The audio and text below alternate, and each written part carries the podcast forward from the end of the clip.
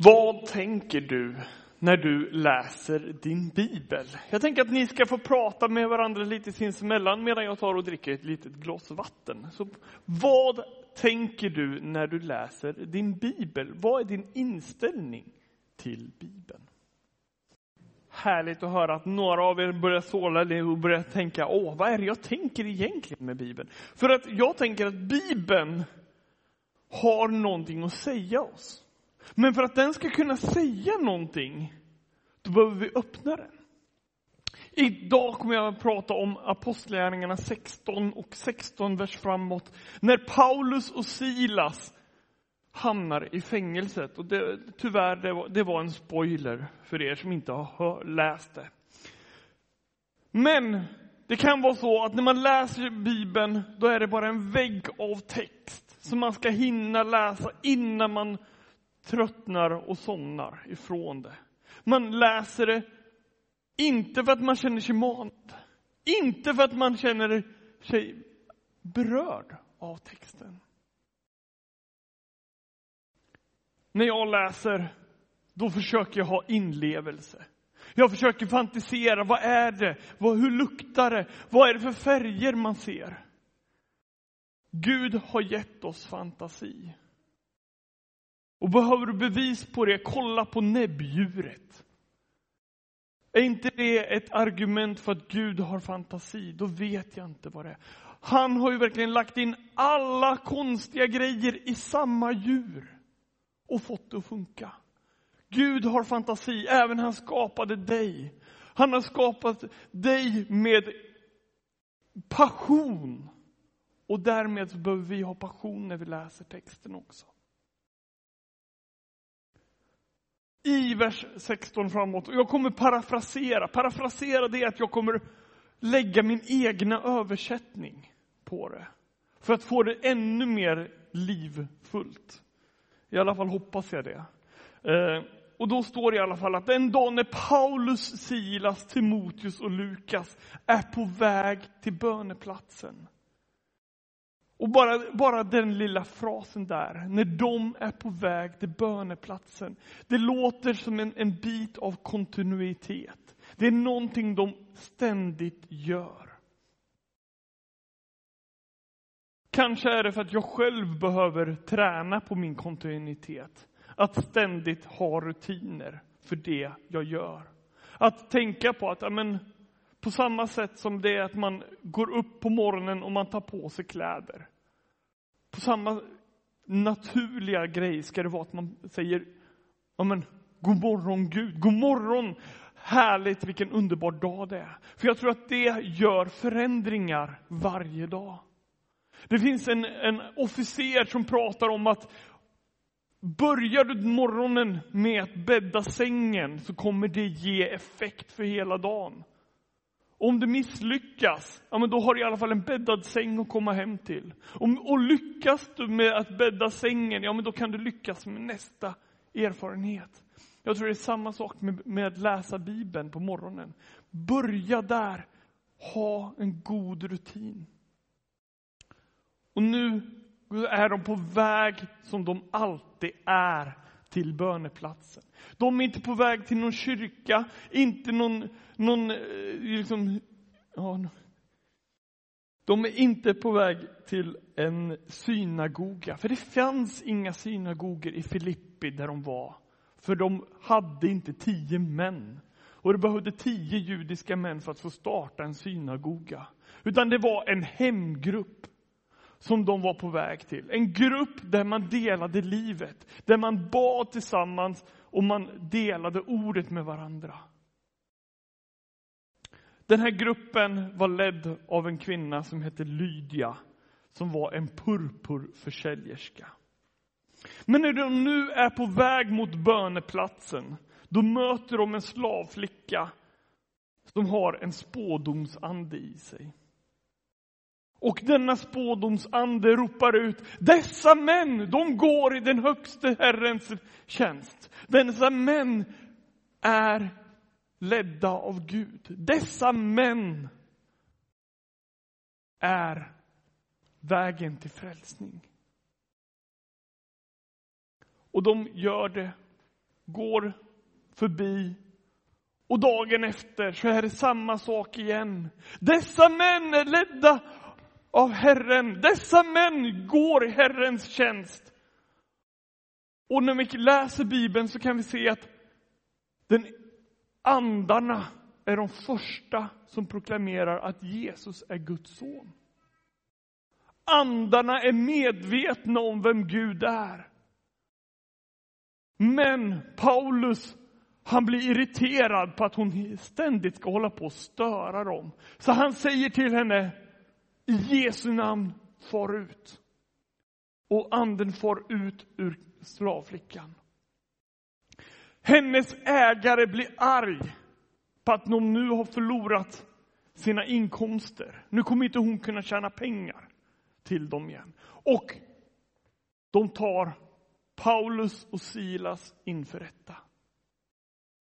När de gör det så blir de först blir de pryglade med piska och sen så blir de dessutom inslängda i fängelse. Och inte bara ett vanligt fängelse, utan det står att de ska vara så långt inne i fängelset som möjligt och det ska, de, deras fötter ska bindas fast. Vi pratar maximum security. Max. För vad? Och det är nu man liksom, när jag läser den här texten, när jag, i min tanke, då får jag det som film. Jag älskar att kolla på film. Det det, när jag ska slappna av, då kollar jag på film. Och det är nu den här bilden kommer. De blir inslängda, de är, de är liksom blodiga, de blir fastnålade liksom i bojor och annat. De tittar lite, till, lite, lite skamset till vänster om sig. Där sitter det en rövare. Vi kallar honom för Brutus. Han har liksom ett så här klassiskt R över ögat. För att visa, jag har varit med om mycket. Och han, liksom, han kollar på Paulus, han kollar på Silas och bara Wow! Ni måste vara riktiga tuffingar så hårt som de har straffat er. Vad har ni gjort? Paulus bara ah, Vi befriade en, en, en ande ur en, en, ur en slavflicka. Va? Ni gjorde vad, sa du? Och där kommer ingången. Paulus börjar berätta om, om sin vandring från mörker till ljus, om hur han har förföljt de kristna för att sedan själv bli en kristen. Och det står att, att när Paulus och Silas börjar sjunga och han börjar, de börjar undervisa och alla fångar lyssnar. Fångvaktaren, han blir så trött på att lyssna på dem så han går och vaktar lite längre bort. Och när det blir natt så står det att när de är mitt i sången och bönen, då blir det en jordbävning. Vänner, jag tror att sången och bönen har en konsekvens med jordbävningen. Jag tror att när vi sjunger, när vi ber, då händer det någonting. För det står i vår bibel att så ska det ske. Om vi kollar i bibeln så ser vi liksom redan från gamla testamentet, när vi ber, när vi sjunger, då händer det saker. Det händer saker både i våran värld, det händer saker i den andliga världen, det händer saker i våra själar. När jag är ledsen, då sjunger jag. När jag är rädd, då sjunger jag. När jag är arg, då sjunger jag. Inte lika vackra sånger, men jag sjunger. Och det är samma sak med er tror jag. Och ni kanske tänker, ja men jag sjunger inte, jag tycker inte om musik. Nej men jag tror du har en annan ton i ditt hjärta, som du inte kallar för sång, men det är exakt samma grejer. Rör vid dem, använd dem.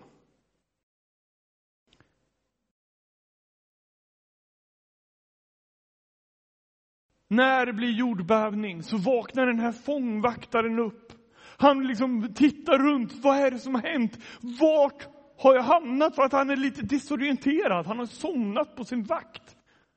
Han kollar på, på grinden. Och han ser att den är bruten. Samtidigt så säger, så säger Brutus nu liksom, Wow! Är det här eran Gud som har gjort det? Vad gör vi nu då? Och fångvaktaren springer in men han ser ingenting för att det är så mycket rökmoln av, av jordbävningen. Fångvaktaren, han tänker, det enda rätta jag kan göra nu, det är att jag tar mitt liv. För att det kommer tas i vilket fall. Så han drar sitt svärd för att avsluta sitt liv när han hör en röst. Stopp! Gör det inte! Vi är alla här. Paulus, Silas, Brutus, alla fångar är fortfarande kvar i fängelsehålan. Fångvaktaren, det enda han kan göra det är att slänga sig ner på marken inför, inför Paulus och Silas och säga, vad kan jag göra för att bli räddad? Vad är räddningen? Och Paulus säger, det finns en räddning. Hans namn är Jesus Kristus. Paulus och Silas blir nu förda till fångvaktarens hem. Där, han, liksom, där de tvättar deras sår. Och där de får profetera och de får berätta om vad Jesus har gjort och vad Jesus kommer att göra. Det står i vår skrift där att inom samma timme så blir fångvaktaren och hela hans familj döpta. Döpta i en gemenskap med Jesus. Senare på morgonen då liksom började liksom fångvaktaren skicka ut signaler. Hallå, fångarna är här. De, fängelset finns inte kvar, men fångarna de, de finns hemma hos mig, så ni kan komma och plocka upp dem. Och domarna blir så här, ja, men de kan ju inte vara där. Nej, men säg att deras straff är över. Och då säger Paulus, ja men vi vill ha en, eh, en ursäkt. Och domarna bara, va? En ursäkt? Va, va, va, vad då? Vad pratar ni om? Jo, vi är romerska medborgare. Vi behöver en, vi behöver en rättegång. Vi vill ha blivit dömda i förhand, nu vill vi ha en rättegång. Och när de får höra att det är romerska medborgare, då blir de ju rädda för att då har man ju mandat på sitt ord. När man är romersk medborgare. Och det de gör då, det är att de sopar under mattan. Ja, men kan inte ni gå ut ur stan? Försvinn bara. Vi glömmer det här. Ta det lugnt bara. Här, ta lite mat, här lite dryck. Gå iväg nu. Och rom, romarna vänder sig om och går därifrån. Men Paulus och Silas, de går inte ut ur staden. De går in i staden och de går hem till Lydia, bönegruppen. För där väntar Lukas och Timoteus och Lydia och bönegruppen. Vänner, våra bönegrupper är viktiga. Det var viktiga då, det är viktiga nu. För när vi har en hemgrupp, när vi, då kan vi dela det som är på vårt hjärta. Det är där vi ska lyfta våra problem. Det är där vi ska sjunga tillsammans. Det är där vi ska lyfta Herren. Och det är där vi ska samla kraft. Det är där vi ska samla energi och mod.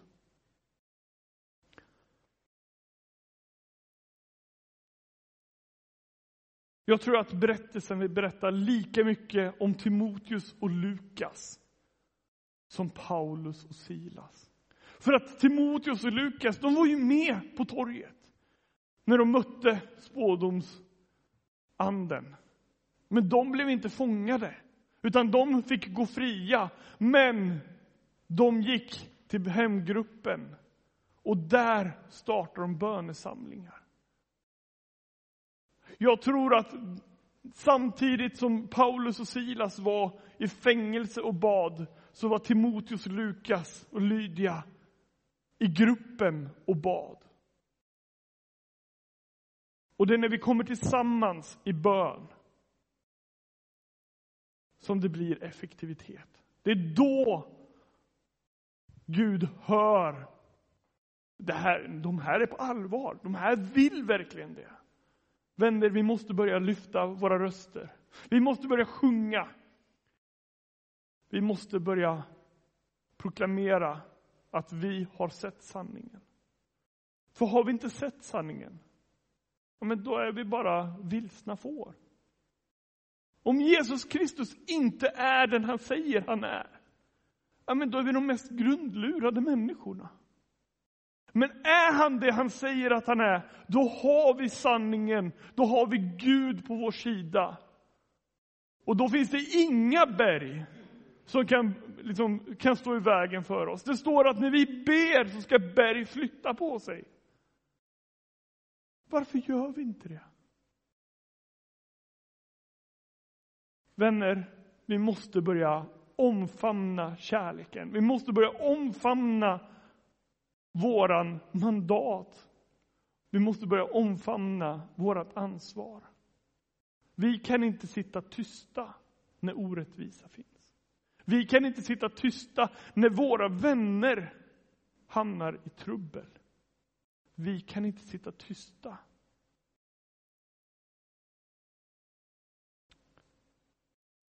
Jag tänker att jag avslutar där och att vi ber tillsammans. Och Herre, ta hand om oss. Ta hand om våra vänner som sitter i fängelse. Även om inte vi kanske gör det så har vi vänner, vi har syskon som är i fångenskap. Runt om vår värld finns det människor som lider för ditt namns skull. Herre, hjälp dem.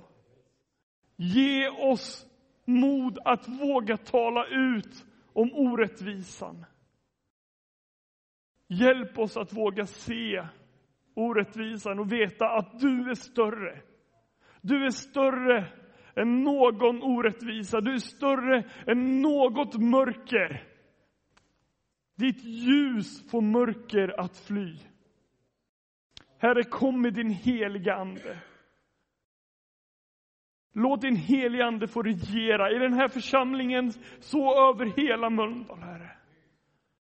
Kom med din kraft, kom med din kärlek, kom med din sanning, Herre.